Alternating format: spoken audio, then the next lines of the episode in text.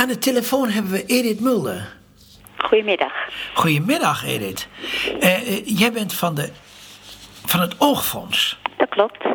Zou je misschien eerst even kunnen zeggen wat het Oogfonds allemaal doet? Ja, het Oogfonds is het goede doel voor de ogen in Nederland. Wij vragen aandacht voor de ogen en wij financieren wetenschappelijk onderzoek, eh, zorgen dat er voorlichting gegeven kan worden, dat preventieprogramma's gedraaid kunnen worden, dus om oogziekten te voorkomen.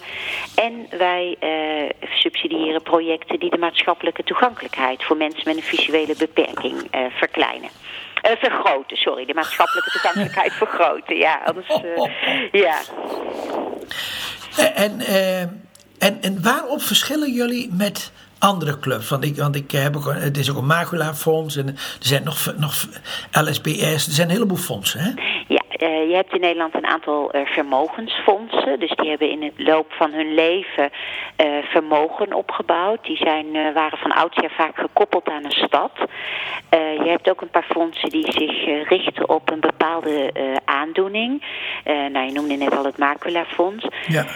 En het Oogfonds is een fondsenwervende instelling. Dus wij, krijgen echt, wij krijgen geen euro van de overheid. Wij krijgen al het geld van donateurs. En dat eh, proberen wij eh, door eh, ja, onze manier van werken zo goed mogelijk uit te zetten over die drie gebieden die ik net noemde. Wetenschappelijk onderzoek, voorlichting en maatschappelijke toegankelijkheid.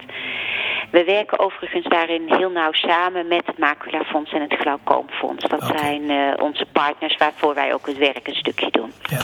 Ik heb wel eens gehoord dat er in de allerhand clubs die, die bezig zijn met, met de ogen, eh, fondsen, verenigingen en ik weet niet wat allemaal, dat daar heel veel geld zit.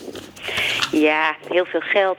Ehm, dat valt wel mee. Kijk, als ik zie wat wij eh, per jaar aan oogwetenschappelijk onderzoek kunnen besteden, dat is niet te vergelijken met wat bijvoorbeeld eh, KWF kan besteden of wat een hartstichting kan besteden. Ik, ik zal daarover ophouden. Ik zal, Dus je niet, ik zou ik zal je niet verder plagen. Nee, maar dat is geen plagen. Maar ik vind het juist wel fijn om dat eens te vertellen. Dat Ja. eh, we eigenlijk ehm, heel weinig financiële middelen hebben in Nederland om het oogwetenschappelijk onderzoek te financieren.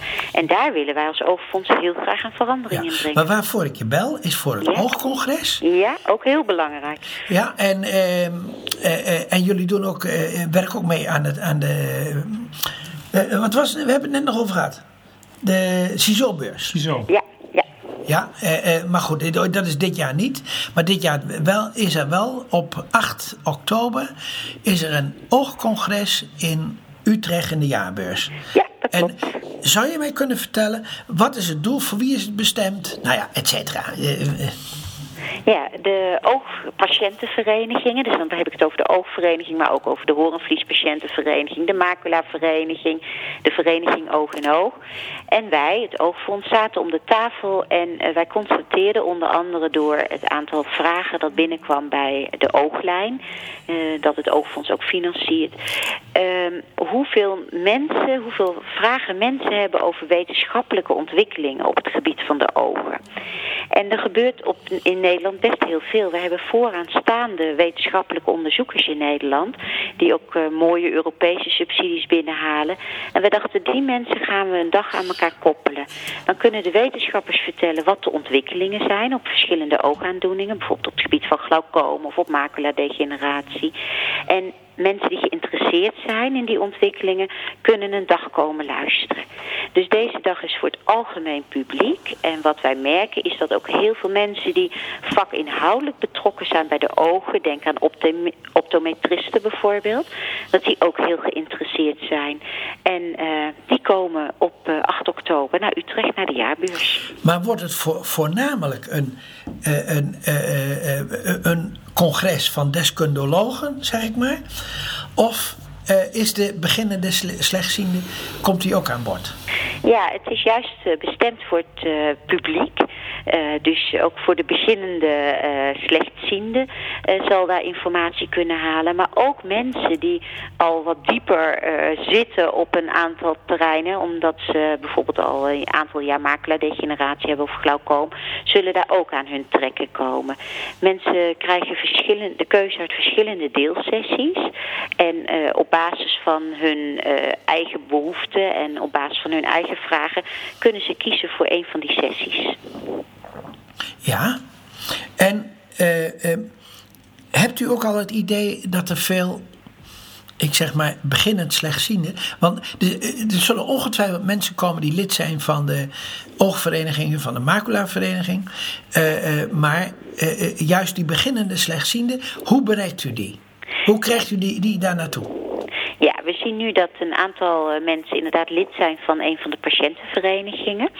Uh, ik weet niet of ze dan al twintig jaar lid zijn of uh, net een half jaar. Dus dat, die informatie kan ik niet geven. maar er komen ook mensen die geen lid zijn van een vereniging. Wij hebben afgelopen week op de 50PLUS beurs al het publiek een magazine gegeven. Over zien, over gezond, goedziend ouder worden. Maar we hebben ook die mensen een uitnodiging gegeven voor het oogcongres. En we zien ook dat die mensen zich aan het aanmelden zijn of al hebben gedaan. Uh, we hebben ook via onze social media en via uh, allerlei informatie op internet. Je hebt in ieder geval je best gedaan om de beginnend slechtziende erbij ja, te gaan. Absoluut. En ik hoop dat het jullie lukt. Ja, en, ik het ook. Ik zou je even de tijden en, en, en dat soort dingen... ja, graag. Even... Uh, de inloop begint om half tien in Utrecht, dus in de jaarbeurs. En uh, we sluiten het programma af uh, met de laatste deelsessie. En dat is om half vier. En daarna is er nog voor iedereen die dat wil een borreltje. En hoe kan men, kan men me opgeven? Dat kan via www.oogcongres.nl. En uh, daarop staat een formulier uh, zodat mensen zich kunnen aanmelden.